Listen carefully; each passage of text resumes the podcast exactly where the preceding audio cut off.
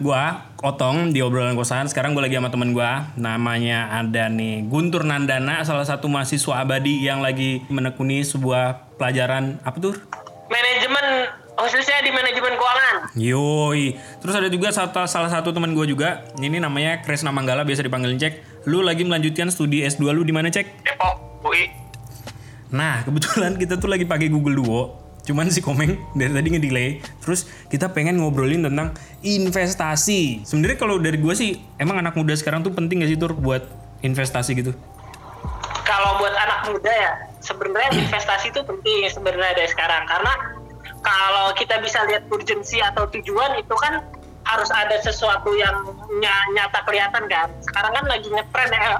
Mungkin tahun-tahun 2018 atau 2017 lalu itu ngetren banget yang namanya uh, sandwich ge- ge- generation kan. Di mana sandwich generation itu adalah usia-usia pekerja kayak kia kia tapi milenial milenial kan. Tapi dia menanggung beban dari atas dan bawah jadinya bukan hanya dia bertanggung jawab terhadap uh, orang tuanya, tapi dia banyak yang harus bertanggung jawab terhadap adik-adiknya. Nah seperti itu jadinya sandwich generation. Jadi satu pekerja apa orang yang usia produktif menanggung bebannya itu dari atas dan bawah. Oh. Padahal kan kalau dulu kan kebanyakan kan menanggung bebannya misalnya gue pekerja nih, gue punya anak, beban gue di, di, di anak aja kan. Nah, tapi itu sekarang trennya sandwich generation adalah ketika misalnya uh, gue udah kerja nih, terus gue harus menghidupin bokap nyokap gue, tapi gue uh, juga harus menghidupin misalnya adik-adik gue, terus anak-anak gue. Nah, itu sebenarnya sebutan sandwich generation. Itu sandwich generation Jadinya- apa selada? Selada generation. Kan yang di tengah kan selada, Bego. Bukan sandwichnya. Iya kan? Kan saya nggak suka sayur, jadinya pesan burgernya daging doang. Oh, loh. Terus apa bedanya sama burger generation berarti? Kan sama-sama sama Nah, roti. Generation lebih rame tengahnya, lebih enak. Oh, iya. Lebih nano-nano. Iya. Tapi gitu. Jadinya dengan adanya sandwich generation itu makanya yang membuat ah, pasti nih ya di lingkungan teman-teman teman-teman pasti pernah lihat ada eh, keluarganya nih pas kalian zaman SD kayaknya orang orang tuanya berkecukupan or- orang tuanya ada atau teman-teman kalian SMP atau SMA cuma tiba-tiba kok pas eh, kuliah atau pas lagi setelah kuliah kok tiba-tiba kesannya keluarganya jadi sulit terutama ketika ayahnya atau si pencari nafkah bukan eh, ayah bisa ayah bisa ibu. Nanti saya diserang SJW SJW gender. Kalau saya bilang cuma ayah yang mencari nafkah bisa ayah bisa ibu. Pokoknya pencari nafkahnya itu pensiun. Jadi kok tiba-tiba terasa sangat sangat berat di kehidupannya. Karena si anaknya ini uh, terpaksa harus menghidupi adik-adiknya dan bapak ibunya. Itulah jadinya kenapa investasi penting. Karena orang-orang dulu itu literasi keuangannya belum tahu bagus kan jadi belum ngerti tentang investasi pada akhirnya investasi itu lagi-lagi penyelamat kita di masa tua gitu guys Gue tanya ke Cek nih sekarang ya. Cek kalau menurut lu investasi buat anak muda itu penting apa kagak? Tadi balik dulu, udah disepakatin belum konsep investasinya apa? Nah, ya udah Tur, lu nggak usah ngajak berantem konsep investasi apaan Tur emang Tur? ya lu gimana menganggapnya ya pokoknya menjaga eh, aset lu agar nilainya tetap eh, agar nilainya tidak tergerus lah tergerus tergerusnya oleh apa oleh inflasi konsepnya apa time value of money penjelasannya panjang intinya makin lama duit lu makin berkurang kalau lu simpen di bank contohnya dulu lu punya duit 10 juta dulu kebeli beli motor zaman orba Sekarang Orba udah nggak juga, anjing. salah siapa salah siapa sekarang apa mahal Salahin Enggak. Cek. enggak enggak. Tapi intinya harga-harga kan akan terus naik sedangkan uang yang kamu simpan kan tidak tidak naik kalau kamu simpannya di tabungan atau di bank bantal gitu. Tapi ba- eh tapi Tur, kalau di bank itu kan sebenarnya ada bunga depositonya juga. Emang nggak ngangkat? ada bunga bank kan Iya. nih FYI ya FYI Eh, annualnya bunga bank itu kalau duit anda cuma sedikit ya di bawah 100 juta kan duit anda cuma dikit paling bunga bank itu nggak nggak mungkin di atas 5% bunga Tapi bank gini, sedangkan inflasi Misal apa? gini, kalau misalkan gua nabung 5 juta di bank gitu, duit gua 5 juta Iya. juga nggak bakal hilang kan? ya nggak bakal hilang tapi kan harga-harga pada naik Oh iya benar. tapi bisa hilang juga sih kan ada biaya admin segala macem Berarti yang namanya investasi itu adalah menaruh uang yang penting eh, ada pertumbuhannya ya. Nilainya ya. Iya, nah kalau udah mulai masuk itu kita tuh harus punya kacamata bahwa eh, ki- kita tuh punyanya aset. Uang itu aset, emas itu aset, saham itu aset, rumah itu aset. Celengan babi aset bukan? Aset. Celengan babi aset. Celengan ini ayam jago kalau gue. Oh lu ayam jago ya gue celengan babi Toy Story. Jago. Nah, Jadi yang namanya investasi itu ki- kita tuh menaruh uang di aset-aset yang nilainya bertumbuh. Jangan taruh di aset-aset yang nilainya tidak bertumbuh. pohon gitu ya. Taruh di pohon ya kan. Loh, siapa tahu lu nanam Nah, duit kalau- keluarnya buah bunganya juga ini duit. Nah, ini nih komeng udah masuk nih. Ya, keluar lagi komeng. Terus lagi. Nah, lu cek kalau menurut lu setelah mendengar konsepnya si Guntur tadi, menurut lu anak muda zaman sekarang tuh penting nggak investasi? Penting nggak? Masuk nggak tong? Masuk, Nah, gitu. masuk men. Pelemes gue. Udah sampai usaha ya lu ya Mas ya. Usaha gue nih tuh kan valuta asing. Valuta asing. Gimana cek? Jadi eh, kalau misal kalau misalkan tadi kan bilang penting atau nggak penting di konteks sekarang sih menurut gue jelas penting. Artinya artinya bahkan kita belum bisa sebagai anak muda gitu untuk bisa memastikan eh, kondisi kita ya sebagai anak muda ke depannya itu seperti apa. Kalau pastinya kalau misalkan gambaran dari strukturnya eh, Guntur tadi, kalau emang dari kependudukan kita itu emang anak muda terbebani untuk menanggung yang atas dan ke bawah istilahnya. Sandwich generation tadi emang udah udah saat ini emang jadi jadi berasa banget. Mungkin di antara kalian semua udah ngalamin kali ya nanggung adiknya nanggung orang tuanya dan segala tapi terlepas terlepas terlepas nanggung orang tua maupun adiknya gitu ya memastikan untuk diri sendiri aja itu juga penting juga apalagi kalau misalkan anak muda kayak zaman sekarang belum bisa mastiin gimana baiknya gitu loh buat depannya Meng, suara napas lu masuk, ya Allah. Napas lu masuk, Meng. Ngomong serius diketawain sama Otong parah banget. Kagak anjing, gue kan ketawa gara-gara lu napas lu masuk. gue gue gue udah terharu. ya. Kenapa terharu lu?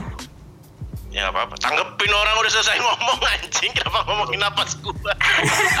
Soalnya lu tadi mem- memotong konsentrasi, gue lagi memperhatikan Encek. Jadi kan gue tadi nanya, Itu gue fokus banget tadi. Gue nanya ke Encek. Jadi urgensinya anak-anak muda sekarang tuh penting gak sih menabung? Nah dari ja- jawabannya dia kan berarti anak muda tuh penting menabung untuk memastikan masa depannya yang lebih cerah nih, ya kan? Lu sebagai anak muda yang mungkin nanti beli rumah juga sulit, menurut lu gimana, Meng? Oh nanya gue ngapain nanya gue? Lah, lu kok host gue kan? dua orang ini kalau nanya gue. Oh iya bener. Eh, kalau menurut gue, uh susah nih. Kalau gue jawab penting kayak kurang asik gitu ya. Ya, coba lo. Lu ngelawanin aja, lu ngelawanin. Oh nggak penting investasi buat apaan gitu. Nggak nggak gue kalau ngelawanin gue nggak punya counter argumennya. Bilang aja penting. investasi banyak ribanya. Nggak nggak nggak bisa ke arah sana gue nggak ngerti juga argumennya soalnya. nggak ada sel, celah apa selaannya. Penting menurut gue meskipun gue sebenarnya belum mendalami secara benar-benar gitu. Makanya tujuannya gue mau ngobrol di sini, terutama sama Guntur, biar gue adalah cipratan pengetahuan tentang investasi gitu. Nah, Tur.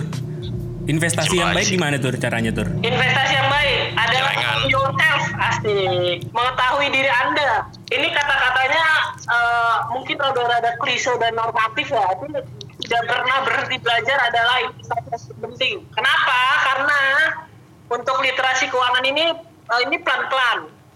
Tidak bisa langsung eh, Anda tiba-tiba kayak Bener kan? apa Kayak bukan temen kan? Iya. Ah, apa? Kayak bukan temen, Iya kayak kita klien.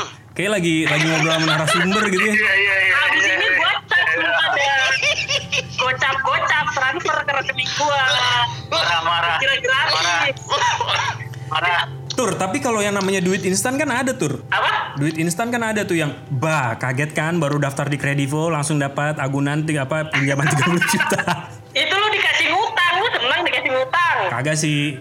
Terus gimana tuh Itu lanjut? tuh apa sih? Fintech, fintech, finansial teknologi. Nah kan berarti ada juga tuh Tur. Nah itu juga menarik tuh. P2P lending juga bukannya termasuk investasi Tur. Nah itu bisa juga peer to peer lending. Itu Peer to peer ya kepanjangannya apa? peer to peer lending. Jadi itu memotong kerjaannya bang. Nih Oh, secara tapi singkat gitu. ya, secara Tapi singkat. biasanya bunganya lewat tinggi nggak sih fintech tuh? Bukan kelewat. Oh ngapa dulu nih? Mawar mawar Nah, melati. Hmm. Kalau kredivo, abis itu macam-macam pinjaman online itu tuh dia sistemnya KTA kredit tanpa agunan. Agunan. Ag- agunan itu jaminan. Jadinya lu bisa minjem tanpa ada jaminan apa pun. Ah, ibaratnya ketika lu minjem uang seharusnya tuh lu punya sesuatu untuk men- menjaminnya kan. Nah makanya kenapa ah, bunganya tinggi?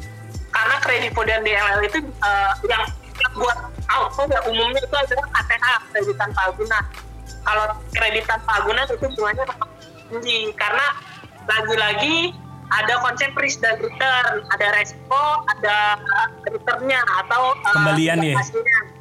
iya jadinya ketika uh, si kredivo ini ngasih kredit tanpa agunan itu kan sebenarnya re- resikonya tinggi. Otomatis dia mengharapkan imbal hasil yang lebih besar dengan kredit yang ada agunannya. Itu sih. Konsepnya konsep sederhananya. Ya. kalau mau mendalami keuangan dan investasi sebenarnya cuma beberapa cuma dikit-dikit doang. Cuma time value money sama uh, risk and return. Terus apa lagi ya? Nah, kalau ngobrol gini lupa. Cuma ntar kalau lagi lagi lagi jalan mungkin ya. Cuma dua konsep yang paling dasar dan paling basic adalah value of money dan risk and return. Itu aja. Semakin gede resiko semakin gede kok imbal hasilnya. Makanya kredit tanpa agunan imbal hasil. Eh imbal hasil buat si kredivonya ya. Nah tuh cek Sama lagi suka. juga kayak kita kalau ke Resiko nggak? peer to peer lending. Lending tuh orang-orang ke orang mendarat gitu.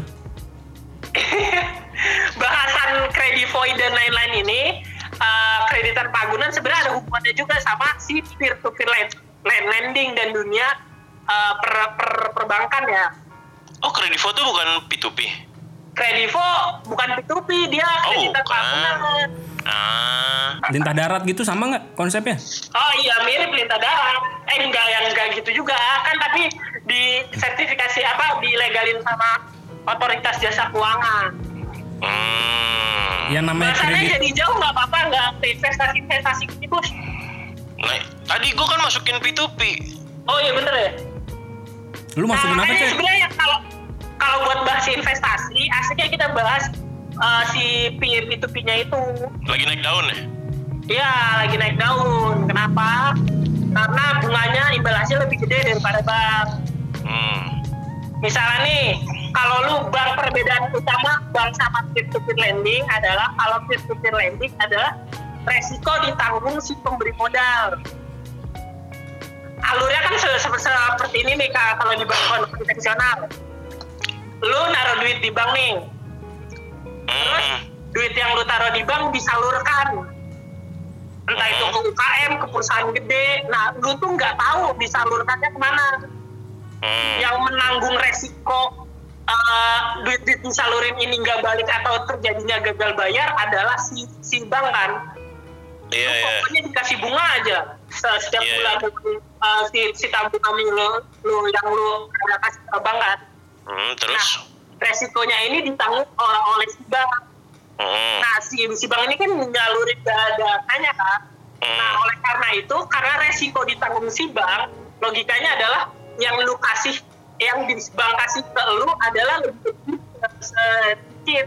Karena ada biaya admin, ada dia harus ada biaya operasional, dan Hmm. lebih lagi Ah, ya, ya. itu ditanggung sama si bank. Potongannya gede ya? Perbedaannya kalau peer to peer lending ini adalah ketika lu ngasih duit ke lu ngasih lu nggak ngasih duit ke peer to peer lendingnya tapi lu nge-bypass langsung ke orang yang butuh pinjamannya makanya kalau lu investasi di peer to peer lending lu bakalan mi- milih kan mau investasinya ke perusahaan A atau ada UMKM mau jual go- gorengan nih buat buat sudah nah lu masukin duit ke peer to peer lendingnya mungkin buat teman-teman yang udah pernah pakai Coinworks atau Bibit eh Bibit tuh rek reksadana deh Bukan, bukan. sama coin Investri. Hmm. investri sama Keren coin banget. wars mungkin akan lebih kebayang gimana. Nah, perbedaannya di perbedaannya di situ sebenarnya apa bedanya peer to peer lending sama di bank. Kenapa peer to peer lending bisa dapat duit yang lebih gede dibanding kalau kalian taruh di bank?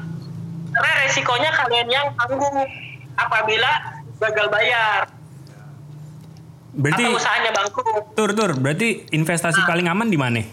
Investasi paling aman. Hmm. aman nggak aman ya eh, kalau aman nggak aman sebenarnya nggak ada bisa yang bilang aman ya kayak orang bilang investasi di tanah itu aman tapi bisa tiba-tiba ada lumpur lapindo atau ada tiba-tiba Jakarta tenggelam kan harga tanah di Menteng mungkin jadi satu rupiah kalau Jakarta itu tenggelam.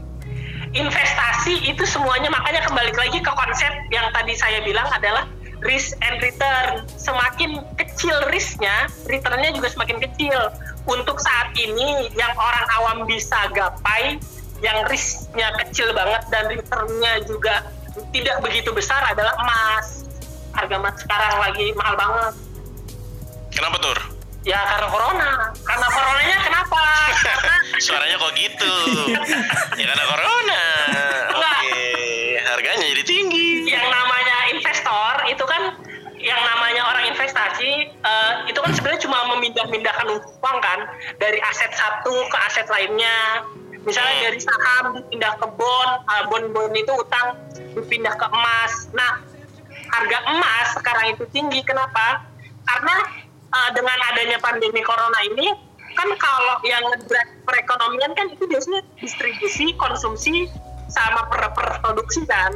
Hmm. Nah, ketika distribusi dan konsumsi ini nggak jalan seperti sebelum ada corona, itu lagi tinggi-tingginya, itu biasanya eh, harga-harga saham akan tinggi, tinggi, karena masyarakat kan konsumsi konsumsi kalau sekarang kan ke, ke- kelihatan Lagi off ya sekarang ya. masyarakat eh, pabrik-pabrik tutup, masyarakat nggak produksi, masyarakat nggak konsumsi. Nah, itu yang membuat eh, investasi di pasar modal atau di saham, karena investor itu mikir, ini saham pabrik-pabrik atau perusahaan-perusahaan pasti nggak bakal mencetak laba yang tinggi. Nah, ke mana gua harus memindahkan aset gua atau uang gua aku pindahin emas gitu. Ah, simple tapi banget gitu, simple banget. Nah, Tapi- sudah masuk tinggi tuh? tur tur tur. Hah? Tapi reksadana pasar uang masih cenderung aman gak sih? Nah, reksadana pasar uang itu beda. Reksadana pasar uang itu sebenarnya Untuk sekarang. Masa untuk sekarang masih uh, Ya aman. relatif aman kan? Karena kan kalau kita bahas reksadana uh, ada beberapa tipe rek- reksadana kan. Nah, coba sebutin tur biar anak-anak pada ngerti tur. Ada reksadana saham, ada reksadana pasar uang yang yang paling um- umumnya dah. Nah, pokoknya Obligasi. yang paling umum Obligasi jangan lupa. Iya, obligasi. Nah, kalau obligasi itu biasanya reksadana ditaruhnya uh, perbedaan dari reksadana ini adalah penempatan si aset uh, asetnya ini. Ini bisa banget nih. Apa? Podcastnya kalau ada kalau ada built in gitu kan bibit siapa tahu mau masuk built in iklan. Eh, tur gue mau nanya tur, tapi tur. Uang. Tur. Naruh uang di bibit aja. Kalau misalkan gua investasi di toko jilbab gitu, kira-kira itu bakal syar'i nggak? Maksudnya bakal non riba gitu nggak? Kok syari? Itu mah hijabnya yang syari. Oh iya bener. Siapa tahu duitnya juga syar'i anjing. Kalau toko jilbabnya suka berbohong juga tidak boleh. Oh iya bener. Membohongi timbangan, bilang-bilang koni tiba-tiba dijual cuma selusin kan nggak berbohong. Itu mirip jawaban normatif ya, ya kembali ke pribadi masing-masing gitu kan. Iya. Tapi kalau dijalankan dengan sakinah mawadah warohmah itu pasti syati. Lu mau bikin keluarga lu. Soalnya kalau bahas reksadana enaknya bahas ke asetnya dulu, sahamnya itu apa. Maksudnya? kalau kita bahas reksadana saham, beberapa orang belum paham sahamnya yang asik-asik aja sih. Tur tur tur. Ini aja tur cepet ya. Jadi bedanya reksadana saham bedanya sama saham.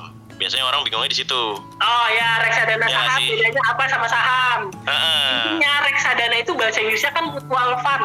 Misalnya gua, lu, gua, komeng, otong sama cek Hmm. ngumpulin da da dana nih 10 juta. Terus Beli hodi ya, mau beli hodi. Gua udah ada dana nih mau beli hodi. Waduh, Oto nggak ngerti tur. Ini si 10 mundut ini itu mundut yang ini kan berapa harga outfit lo? Gimana gimana gimana? Sorry sorry ada 10 mundut tadi. jutanya ini kita kasih ke orang yang bisa mengelola AA setnya nih Iya, yang iya, bisa iya. mengelola Ah. 10 juta ini biar duitnya ini ber, dalam tanda kutip berput, berputar kan Hmm. Pusing. Nah, itulah mutual fund. Jadi kita menitipkan uang kita ke orang-orang yang kita anggap mampu untuk mengatur uang tersebut agar bisa diputar. Nah, uang tersebut diaturnya di mana? Bisa ditaruh di saham, makanya jadi ada reksadana saham. Ditaruh di obligasi, jadi reksadana obligasi.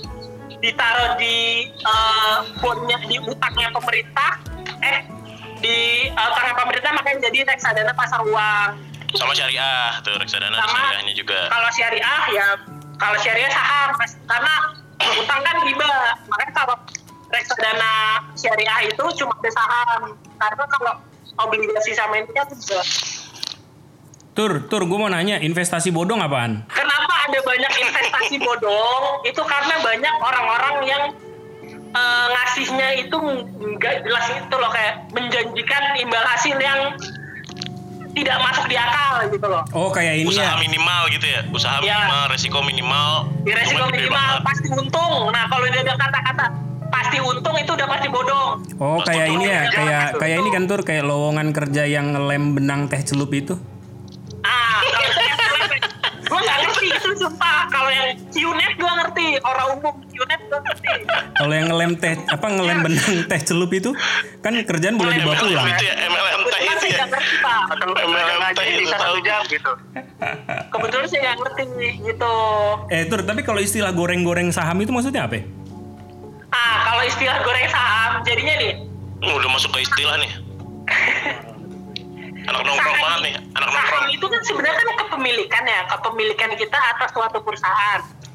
Ngegoreng saham itu kenapa ngetren istilah goreng saham adalah eh, ada beberapa saham yang secara total itu harganya tidak begitu tinggi. Misalnya eh, saham-saham di bawah 100 rupiah lah atau saham-saham di bawah 500 rupiah per lembar kenapa gampang digoreng? Karena total kapitalisasi pasar ibaratnya total seluruh sahamnya dia kalau pengen dibeli itu nggak begitu ma- mahal. Beda kayak sahamnya BCA atau saham-saham yang masuk ke blue chip itu kalau lu pengen beli seluruh sahamnya itu butuh duit yang sangat-sangat banyak. Nah menggoreng saham adalah lu misalnya punya, punya nih saham uh, X terus lu membuat seolah uh, lu punya banyak uh, lu punya 10% saham di emiten X. Nih emiten X ini adalah perusahaan yang kapitalisasi pasarnya kecil. Hmm. Misalnya lu cuma butuh 100 juta udah ke- kebeli tuh semua perusahaannya. Mia Mia misalnya karena Hmm. harganya murah akhirnya lu eh, naikin harganya secara per per per, per bahan lo lu beli eh, misalnya kan posisi lu u- udah megang nih sahamnya lu Hmm. megang 40% sahamnya nih.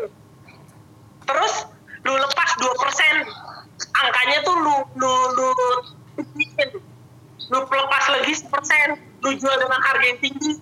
Kesannya tuh harganya tuh bergerak naik karena gen merek gitu loh. Padahal ada orang-orang yang berusaha menggerakkan harga sahamnya tersebut. Nah ketika betul, harganya sudah naik apa?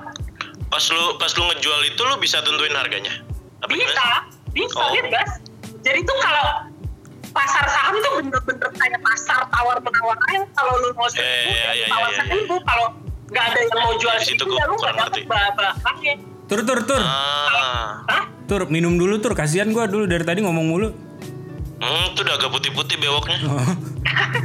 Kayak muncrat dikit. itu kalau ngegoreng tapi lagi-lagi yang paling goreng lagi, oke, semangat Suka. adalah uh, Ketawain sama otong. Peran media Ah, Jadinya media. Anda Anda harus sangat berhati-hati dengan perusahaan-perusahaan yang di belakangnya uh, dia juga punya perusahaan media karena dengan media lu bisa bikin kesannya perusahaan lu bagus. Oh. Cek ada yang mau ditanya, cek. Cek ya, Apa ada yang mau di.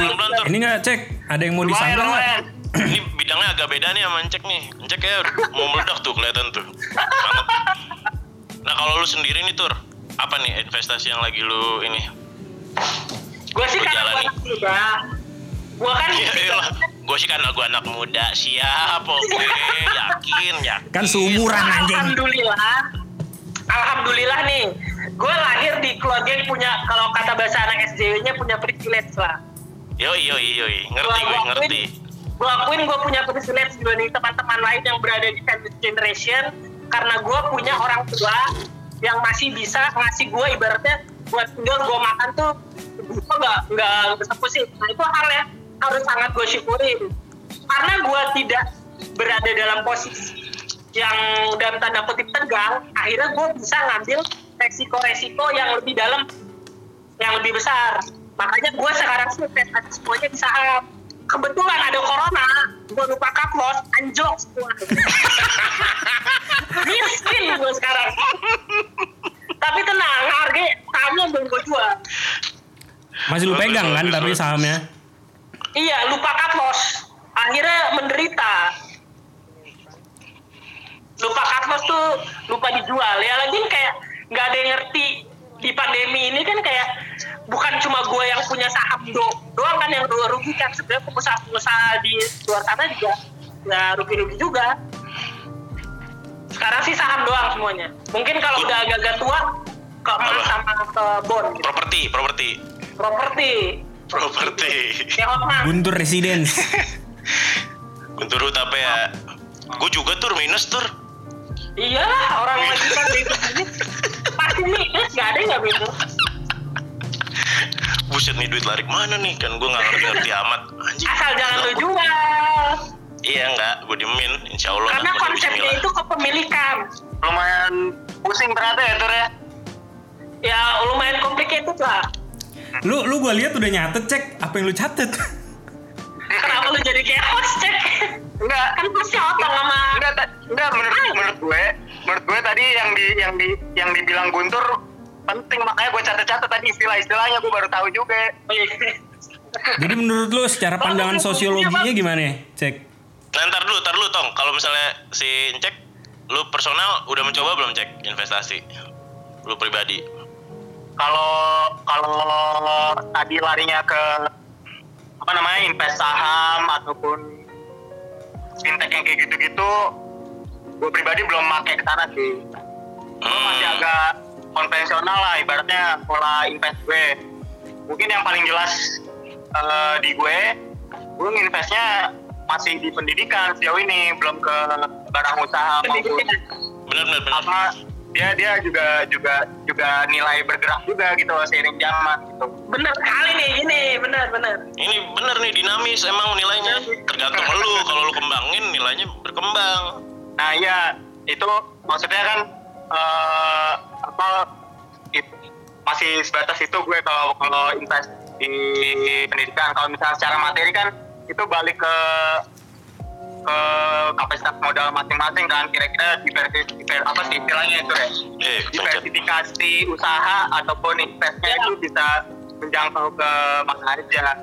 Nah kalau gue baru batas itu, walaupun gue juga lagi muter otak mau coba invest di barang-barang nilai material yang lainnya gitu ya kiranya.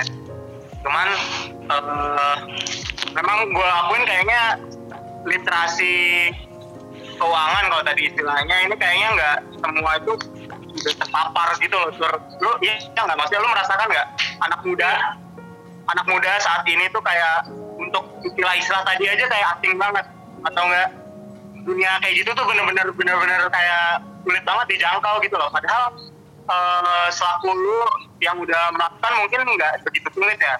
Nah gue juga jadi bertanya nih. Makanya kenapa ke- kenapa literasi keuangan investasi ini di kalangan anak muda itu justru nggak nggak begitu eh, dekat gitu loh.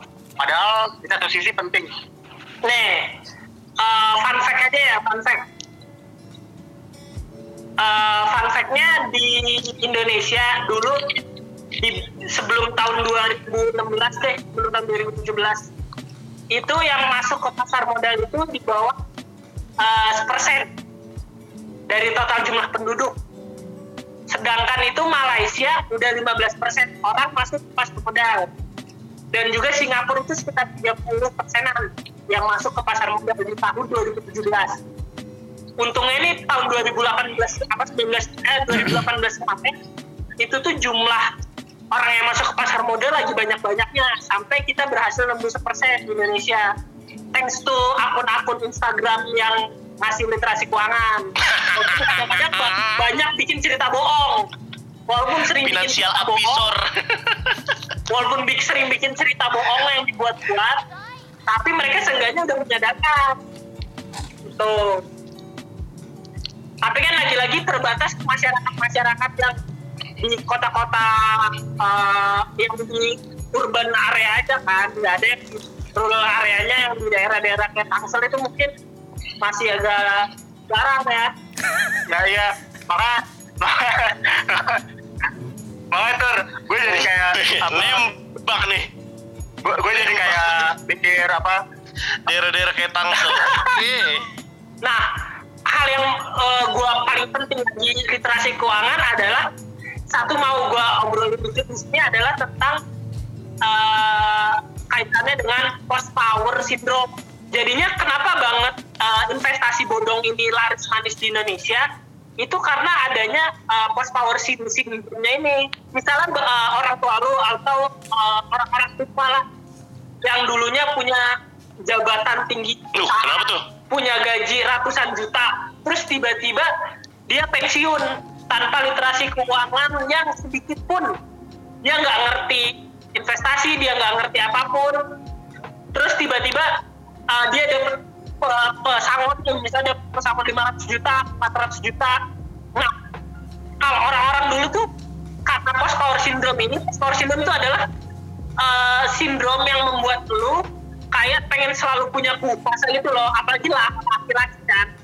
Laki-laki tuh kalau uh, kehilangan penghasilan jatuhnya malah pengen usaha pengen usaha padahal ketika lu pensiun nggak semerta-merta lu harus usaha dengan duit pesangon lu itu ada baiknya lu malah justru mengelola duit pesangon lu itu biar uh, hidup lu tuh cukup sampai mati. Nah ujung-ujungnya karena orang-orang terlalu ego, pengen punya penghasilan terus, datanglah tuh investasi bodong.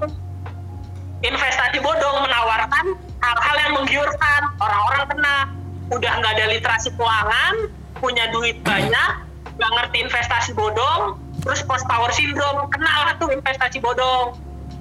Gitu jadinya buat uh, teman-teman baik banget punya literasi keuangan biar anak-anak kalian kan nggak kena generation kayak yang dibahas di awal. Oke. Itu sih sebenarnya. Terima kasih untuk Guntur dan Kresna Manggala. Mungkin Komeng, ih Komeng delay lagi coy. Jadi kayak dia mandek anjing berhenti. Susah mau ngomong ya?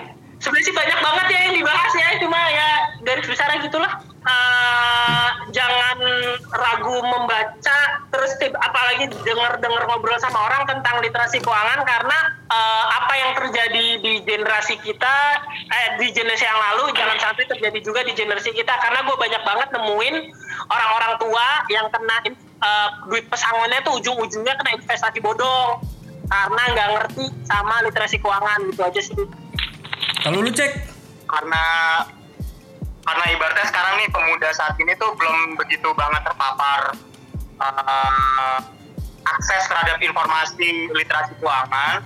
Jadi emang begitu penting di di khusus investasi ini tuh pas apa namanya kelompok-kelompok pemuda ini bisa punya akses ke sana. Nah di mana sekarang tuh masing-masing tuh bisa mempromosikan sumber-sumber informasi itu gitu loh baik dari pihak pri- pribadi di mana misalkan masing-masing pemuda itu punya inisiatif sendiri untuk mencari tahu ataupun Ah. sebaliknya kayak gimana uh, dari pihak-pihak yang emang memiliki sumber investasi itu bisa terus mempromosikan sehingga kayak nggak nggak cuman tersegmentasi gitu informasi apa uh, terkait investasi dan yang lain-lainnya kan sekarang kayak masih tersegmen tersegmen sekali kan. Kayak tadi contohnya ini Dark Father muncul kelompok nih. pemuda eh, apa namanya kelompok cuman keluarganya Telkom atau enggak cuman keluarga keluarga terbatas gitu yang emang mempunyai privilege ibaratnya gitu yang mempunyai akses terhadap itu. Nah tapi gimana caranya sekarang itu kayak bisa bisa merata lah. Oke, kalau lu Meng, Meng, Ada suaranya nggak? Ada ada. Ada. Loh kok tiba-tiba ada, tiba-tiba nggak ada? Nggak tahu tadi makanya gue bilang Darth Vader lu munculin suara nafas lu lagi anjing.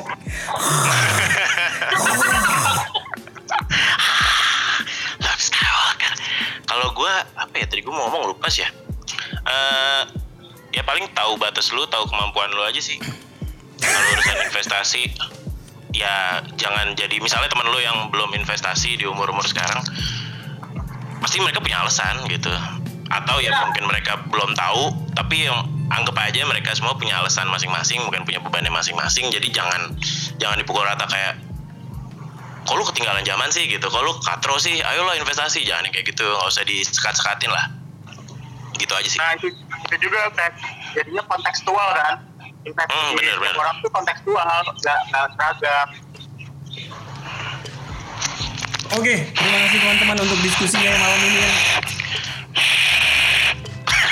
Darth Vader lu muncul lagi anjing. udah udah udah Ya udah deh kalau gitu. tutup. Kita akhiri aja. Terima kasih teman-teman sudah mendengarkan episode kali ini. Terus ya udah jangan lupa investasi, terutama yang paling penting adalah investasi ke diri sendiri dulu.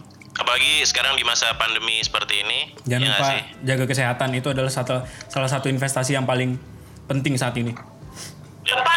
pendidikan. Pendidikan juga investasi itu tadi Kresna keren banget Kresna Manggala 2020. Sampai ketemu. Eh, Thank lu you, semua pada bilang dadah dong. Dadah. Dadah guys.